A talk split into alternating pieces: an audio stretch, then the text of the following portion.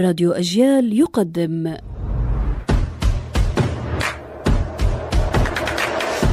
أصل الكلام عارف حجاوي كلمة بلاط محيرة تقول القواميس إنها دخيلة وهذا واضح. لكن من أين دخلت إلى العربية؟ ومتى هذا غير واضح.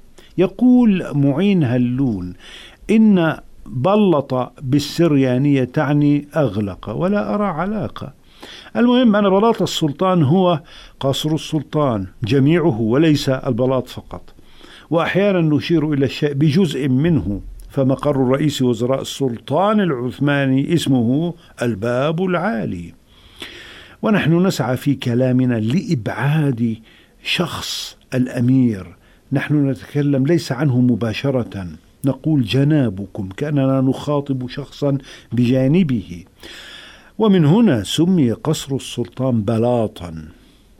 وفي لهجتنا نقول عمن مكث في المكان وأبى أن يغادره فكأنه من بلاط المكان. نقول لقد بلط. ونقول للفقير الذي باع أثاث المنزل وباع الحصير أيضا إنه صار على البلاط.